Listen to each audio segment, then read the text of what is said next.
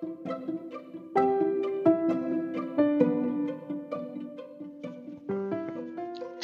halo. Oke.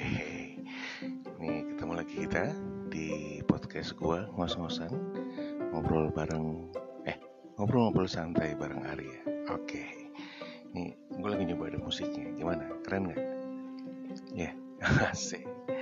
Ya lumayan lah ya, biar kelihatan profesional gitu. Oke. Oke guys, gue mau cerita tentang pengalaman gue masih di Batam.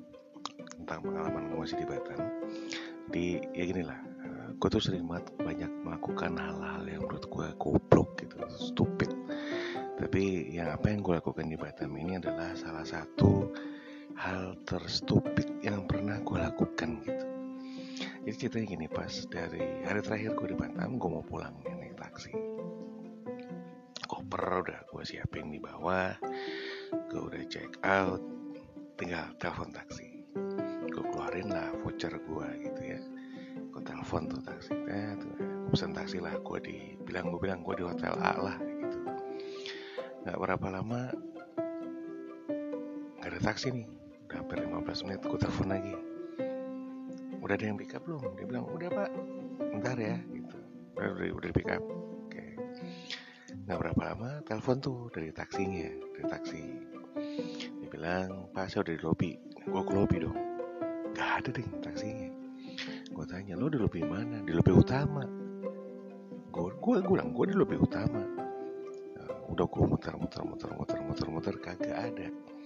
Sampai sekitar se- 45 menit lah 45 menit. Gue udah omel-omelin taksi segala macem. Tiba-tiba coba dia gue dia bilang pak saya di lobby. Lobby mana? Lo ngomong sama security deh. Gue kasih tuh handphone gue ke security. Ditanya ya dia ngobrol-ngobrol gitu. Terus dia bilang gini pak ini lobby hotel eh, di Mataram. Mataram? Iya Mataram Nusa Tenggara Barat aduh gue bilang. Gue di Batam gue salah mencet nomor. Gue pencet nomor perusahaan taksi itu yang di Nusa Tenggara Barat. Padahal gue lagi ada di Batam. Kan maksud gue gila silly banget. Gue udah buang waktu buang pulsa. Oh itu benar-benar gue ngerasa goblok banget lah saat itu. Nah kemudian gue pikir-pikir kenapa ya gue bisa begitu ya? Ternyata gini lah eh gue tuh makin ke sini gue makin ngerasa otak gue tuh kayak kepala kura-kura atau lo jadi, jadi dia tuh baru ket- eh, gini kepala kura-kura tuh kan keluar dari cangkang kalau dia mau keluar kan? Sama nih otakku tuh baru bekerja pas gue mau pakai. Nah begitu gue lagi nggak pakai otak gue dia masuk tuh dalam cangkang kayak kura-kura. Nah gue ngerasa saat itu gini lah mungkin karena gue di Batam tuh 4 hari kalau nggak salah. Iya 4 hari. Eh gue tidur selalu di atas jam 1 di atas jam 1 malam. Tidur di atas jam 1 malam. Ya karena ada gue ngerjain beberapa hal gitu ya.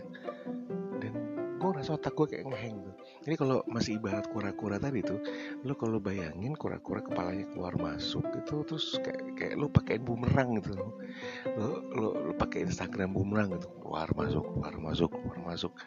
Gue bilang aduh nggak stuck di cangkang mesti mending tuh pala gue otak gue gitu ya. Ini gini lah. Gue ngerasa eh itu tadi ya ini eh eh, gue ngerasa bahwa di era yang serba cepat ini di era yang sekarang sekarang ini kita dituntut untuk berpikir lebih jauh. Iya bener sih. Bener. Cuman gini loh. Eh, pada dasarnya manusia tuh nggak bisa ngerjain dua hal penting sekaligus. Termasuk mikir. Ketika lu mikir lu nggak akan konsen terhadap apa yang lo kerjain gitu jadi menurut gue yang yang yang lucunya adalah gini. Kita jadi nggak presence kita jadi nggak hadir kepada apa yang sedang kita kerjakan. Padahal quote unquote kehadiran kita itu membuat kualitas kita itu dan ketika mengerjakan sesuatu jadi tinggi. Uh, gue gue nggak nyalain orang yang berpikir visioner itu perlu. Maksud gue ketika lo berpikir visioner ketika lo berpikir lebih jauh ketika lo berpikir two steps ahead pastikan lo sedang mikir gitu. Nggak sedang melakukan sesuatu. Karena ketika lo sedang melakukan sesuatu dan lo mikir lo nggak akan konsen kepada apa yang sedang lo kerjakan itu. Uh, gue baca di internet lah waktu itu gue gue catat sih uh, websitenya cuman gue lupa. Gue gue nggak bawa juga gitu di sini.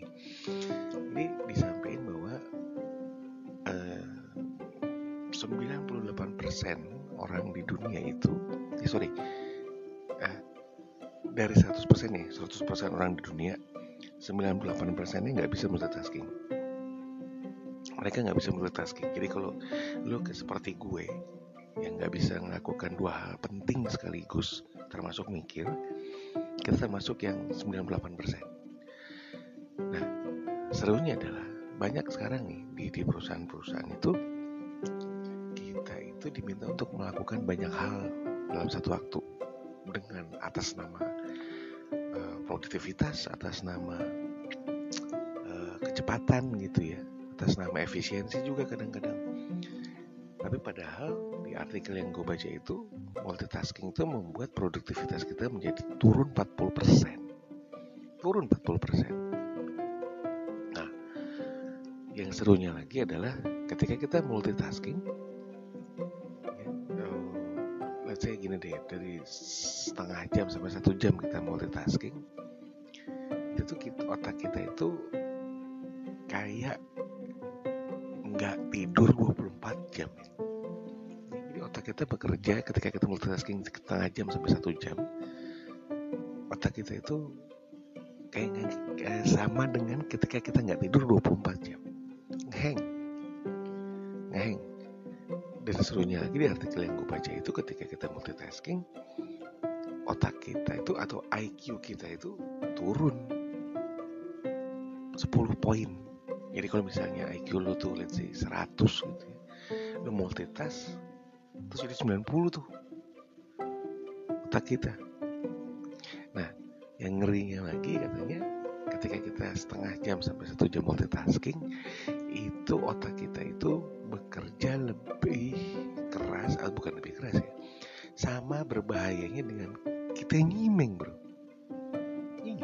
jadi katanya kalau artikel tersebut kalau kita multitask 30 sampai 1 jam itu dua kali lebih berbahaya daripada kita nyimeng. Pengaruhnya ke otak ya, bukan ngeflyingnya, bukan, tapi pengaruhnya ke otak. Jadi buat lu yang masih doyan nyimeng, saran gue lu multitask aja deh. Sama pusingnya bro, sama pusingnya. Sama pusing, cuman lu kagak nyengar nyengir aja. Oke. Okay. Nah, ini gue coba ngingetin aja gue coba ngingetin ya betul sih di era yang lo diminta untuk berpikir uh, two steps ahead berpikir lebih cepat pastikan ketika lo mikir lo nggak ngapa-ngapain lo nggak ngapa-ngapain karena itu tadi ya pastikan gini lah uh, apa sih bisa lakukan? Lo kayak main juggling aja. Lo kan tahu ya juggling itu lempar-lempar bola nangkap lempar nangkap itu kalau di juggling itu yang serunya adalah lo mesti ngelempar dulu baru bisa nangkep. Karena tangan lo akan kosong kan gitu. Sama nih. Atau nangkep dulu setelah lo lempar. Gitu. jadi eh, ketika lo diminta untuk melakukan multitasking uh, saran gue adalah kerjakan sesuatu itu one at a time gitu. Selesai. Uh, di, di, di waktu yang sama ya misalnya ketika lo diminta mengerjakan dua jam eh, apa namanya dua hal dalam satu jam ya udah lo bagi aja setengah jam setengah jam. Lo ngerjain A dulu setengah jam lo ngerjain B itu setengah jam. Karena lo nggak akan bisa melakukan dua hal itu dua hal penting ya kata kuncinya penting sih. Kalau lo ya ilah lo makan sama nonton TV ya itu bisa kali. Lo apa lagi? Lo, lo yang ngepel sambil meres itu ya bisa kali. Cuman maksud gue dua hal penting sekaligus. Yang gak eh, pastikan ketika lu ngerjain dua hal yang penting sekaligus itu selesaiin dulu yang A setelah itu yang B.